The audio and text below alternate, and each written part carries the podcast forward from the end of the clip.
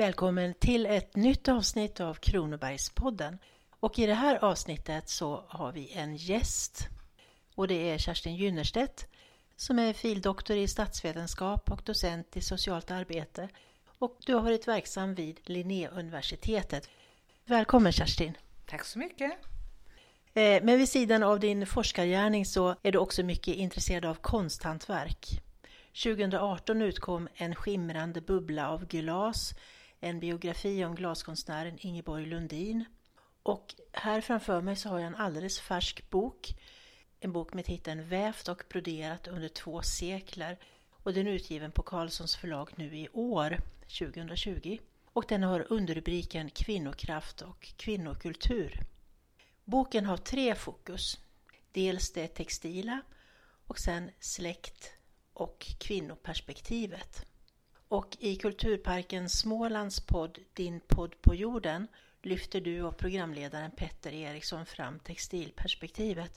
Och eh, i det här avsnittet kunde vi lämpligen därför kanske prata om kvinnoperspektivet. Du berättar om 12 kvinnor, 10 egna släktingar och två ingifta ur din släkt ifrån Hagelsmo i Furuby i Växjö kommun och de textilier som de här kvinnorna producerade. Men du vill också berätta om hur deras liv gestaltade sig. Och det här är lång kvinnohistoria från mitten av 1800-talet och fram till 1970-talet. Den äldsta kvinnan är född 1822 och den yngsta, som är din mamma Maja, är född 1914. Vill du berätta lite närmare om några av de här kvinnorna? Ja, flera av kvinnorna har sina rötter i Dädersjö socken, ifrån Asby och Näsby och kom till Hagesmo när de gifte sig.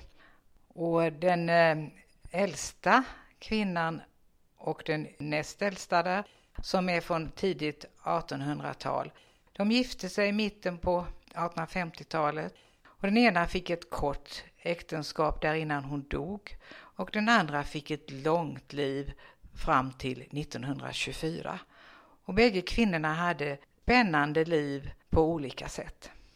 Om eh, Maria, som är född 1844, så finns det en särskild historia där hennes liv närmare är beskrivet. Och det är i boken Möten i Småland, där novellen Möte med tiden som gått beskriver Marias liv från början till slutet. Den boken är väl alldeles ny? Den kom ut i förra veckan. Kvinnorna såg inte textilierna främst som folkkonst utan allt vad de gjorde och då, det var ingen hejd på allt de tillverkade. Det var bonader, dukar, kläder, sänglinnen, mattor, sjalar, gardiner och annat. Det framställdes för ett praktiskt och funktionellt ändamål. Men estetik och skönhet finns ju ändå där i materialet. Det är väldigt vackra produkter de åstadkommer. Mönster och utsmyckningar de var traditionsenligt ärvda.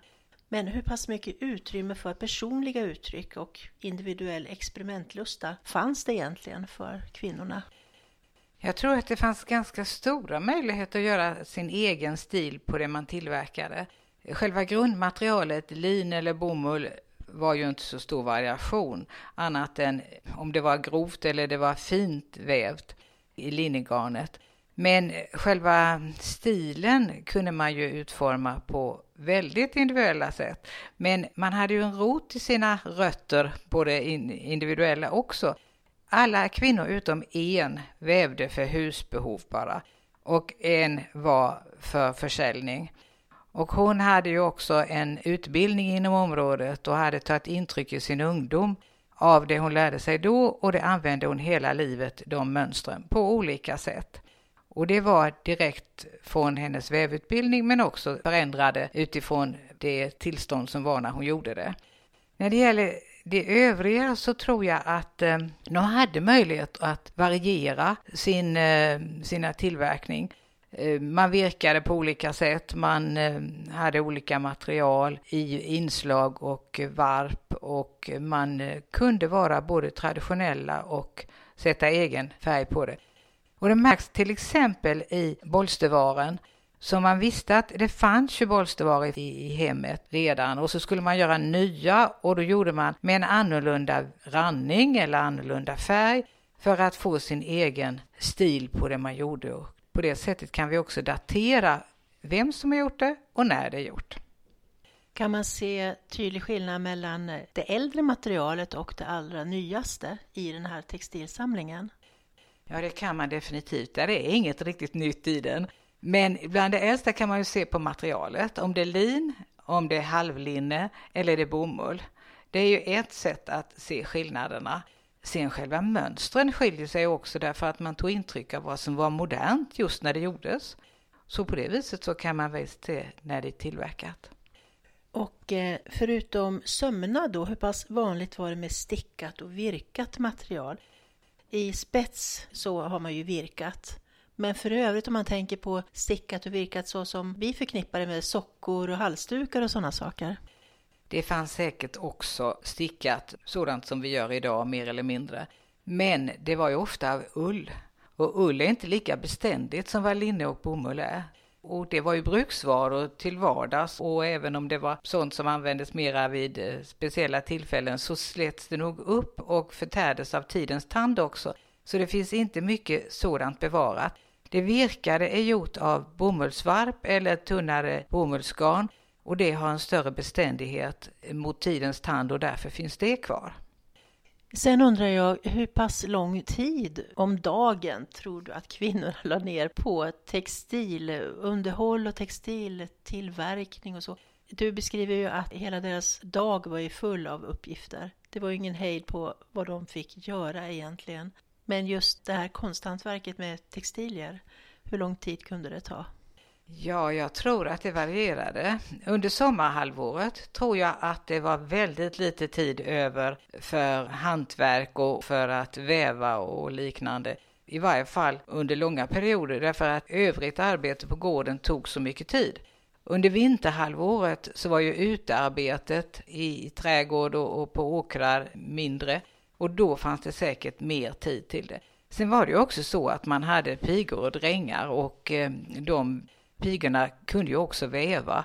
Så hur mycket husmor själv har varit ute och arbetat på gården respektive hur mycket man har suttit vid i vävstolen, det vet jag inte. Men jag kan ju tänka mig att den här tiden i vävstolen var väldigt viktig, också därför att det var en tid som de fick för sig själva, det vi idag kallar egen tid för kvinnor. Det var nog inte så mycket av den varan förr heller. Men satt man i vävstolen så hade man ju det för händer och då var man sysselsatt med något som var nödvändigt och som kanske också var till glädje och nytta. Mangling tycker jag är lite intressant. I lördags hade jag och eh, några vänner en mangelfest där vi ville, vi ville lyfta och hylla den gamla husmodern. Jag köpte en begagnad mangel i somras efter det att min förra mangel, som också var väldigt gammal, hade gått sönder. Och därför undrar jag nu om man manglade alla textilier förr i tiden. Och har du själv något minne av olika typer av manglar från din barndom och det du såg av kvinnoarbete? Ja, jag har dragit mangel många gånger på dukar och lakan och sådant som manglades när jag var barn i en trämangel. Den mangeln finns fortfarande kvar, dock inte så flitigt använd kanske. Men visst manglade man. Förr i världen så skulle man ju inte drömt om att lägga på en linneduk som var omanglad. Det, det var ju bara inte tänkbart. Och likaså att lakan och annat linne manglades. Och det var ju flera skäl till det tror jag. Dels är det, så är det faktiskt så att manglat linne tar mindre plats än ett hopvikt omanglat linne gör.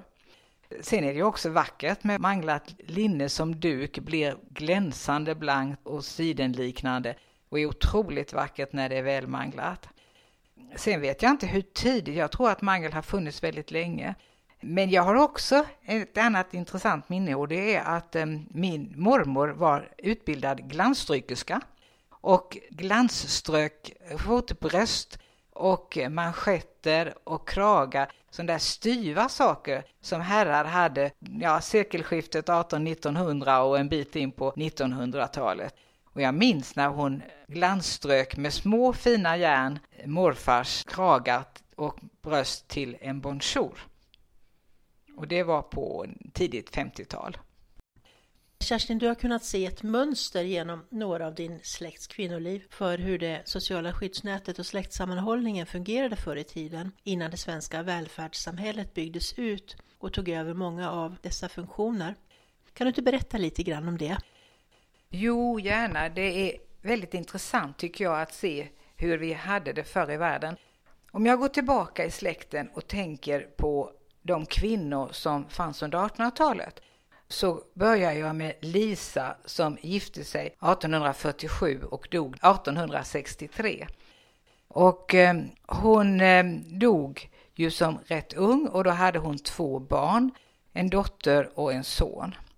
Och på den tiden var ju eh, arbetet på landsbygden och på en bondgård väldigt uppdelat i manligt och kvinnligt. Och det gjorde ju att männen hade svårt att klara det där med att vara ensamma med småbarn och hushållsgöromål, för det var ju de kvinnliga områdena på gården. Och detta resulterade i att Karl Jonas, som mannen hette, gifte om sig efter cirka ett och ett halvt år med sin frus systerdotter. Det var väl så att släkten hade sett att det behövdes en kvinna där och att eh, det fanns en lämplig kvinna som kunde hjälpa till där. Hon var 20 år när hon gifte sig, Maria, med Karl Jonas 1864. Maria fick ett långt liv på Hagelsmo. Hon hade att ta hand om de två barnen från Karl Jonas tidigare äktenskap och hon fick själv sju barn.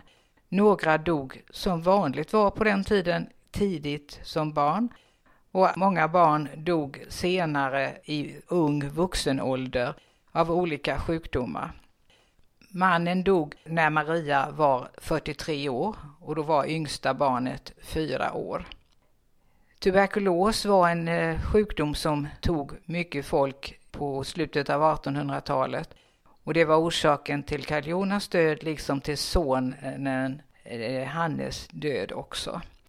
Själv var Maria sjuklig, säger hon, när hon var 50 år och sålde över gården till barnen. Hon bodde kvar på gården och dottern Anna gifte sig 1910 och de nya makarna Anna och Karl tog över gården. Men Maria bodde kvar med ett undantagskontrakt. Det här undantagskontraktet fick aldrig någon verkan. För bara några år senare dör Anna och då finns det två små barn, två år och fyra år. Då blev Maria extra mormor till de barnen och det var hon i elva år innan hon dog 1927. Men Karl hade ju svårt att klara sig utan någon kvinna som tog hand om, om eh, hushållet mer än gamla mormor. Och efter bara ett par år så gifte han om sig med sin frus halvsysterdotter. Och det kommer åter en ung kvinna som husmor i, i hemmet. Karl och Albertina fick dock inga egna barn. Det som är intressant här är också att när Maria blev änka 1886 gifte hon inte om sig. För hon blev myndig då och kunde själv ta hand om gården och bestämma hur hon skulle driva den med hjälp av piga och dräng.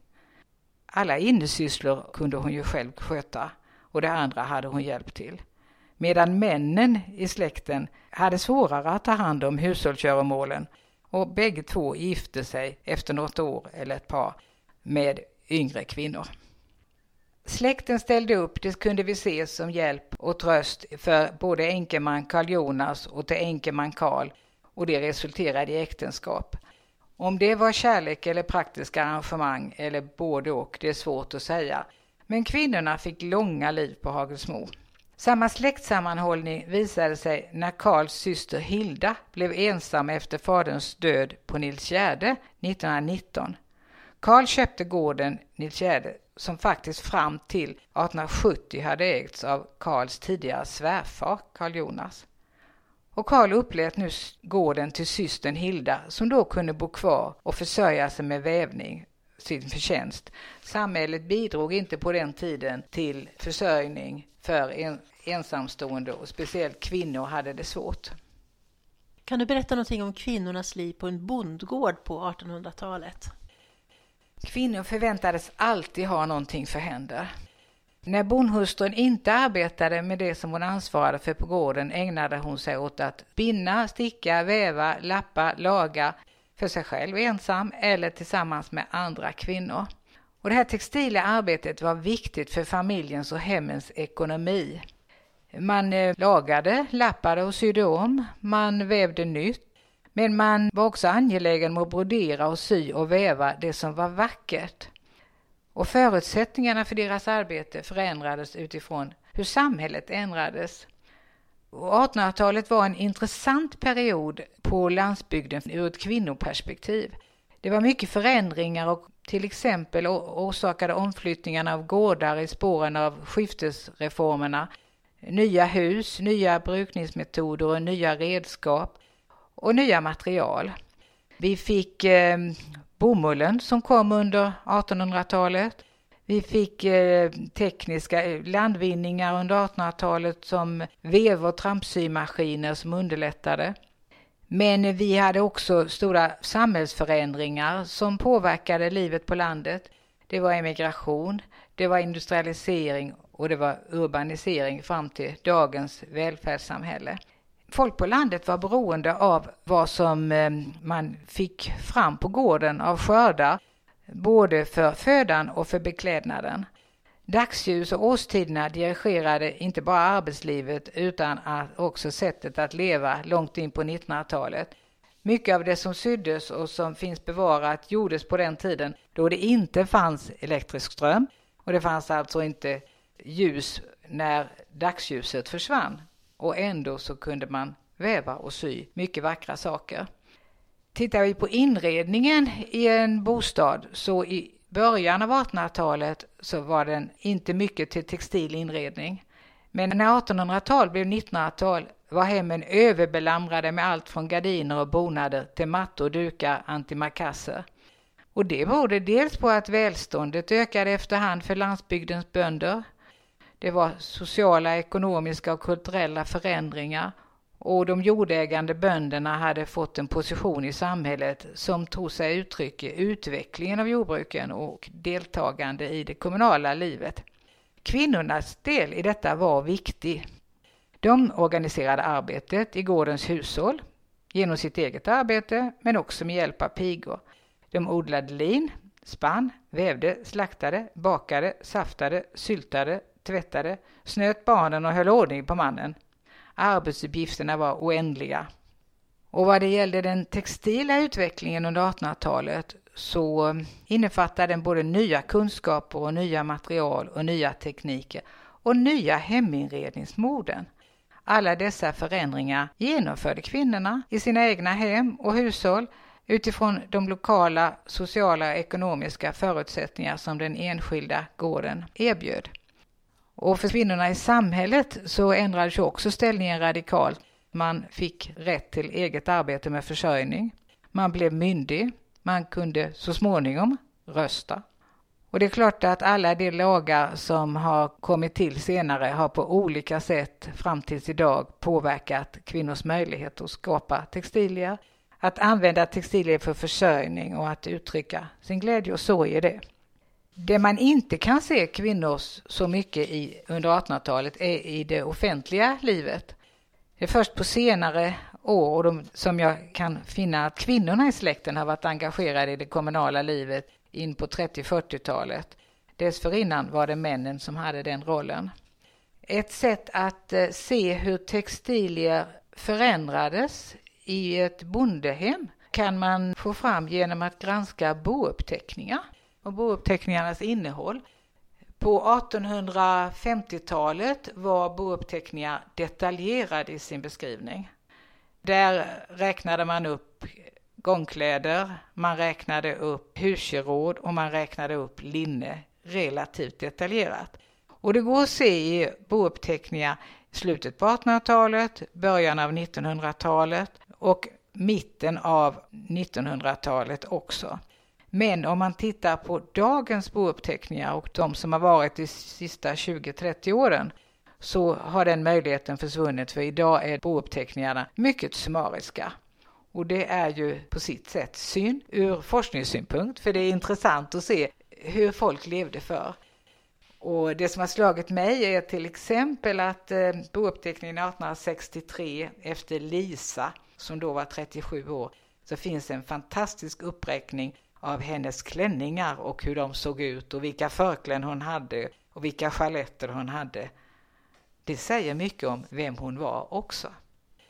Jag blev så fascinerad av bara hela den uppsjön av olika sorters handdukar som man hade. Man hade handdukar för toalettbruk, för disk, glastorkning, bakning, mjölkning, osttillverkning och slakt. Det är sorgligt när gammal kunskap om hantverk försvinner. I din bok så har du ett citat som är ett tema för Smålands lincentrum i Dädesjö som sammanfattar det här väldigt bra tycker jag. Det lyder Mormor kunde, mor glömde och vi måste lära oss. Men i din bok så har du ju lyft fram mycket av det som till stor del har varit en glömd kvinnohistoria. Tack så väldigt mycket Kerstin Gynnerstedt. Du har lyssnat på Kronobergspodden där Kerstin Gynnerstedt idag gästade programmet och där vi framförallt lyfter fram kvinnoperspektivet i hennes nyutkomna bok Vävt och broderat under två sekler, kvinnokraft och kvinnokultur. Jag som samtalade med Kerstin heter Ella Styv och arbetar på Växjö stadsbibliotek. På återhörande. Hej!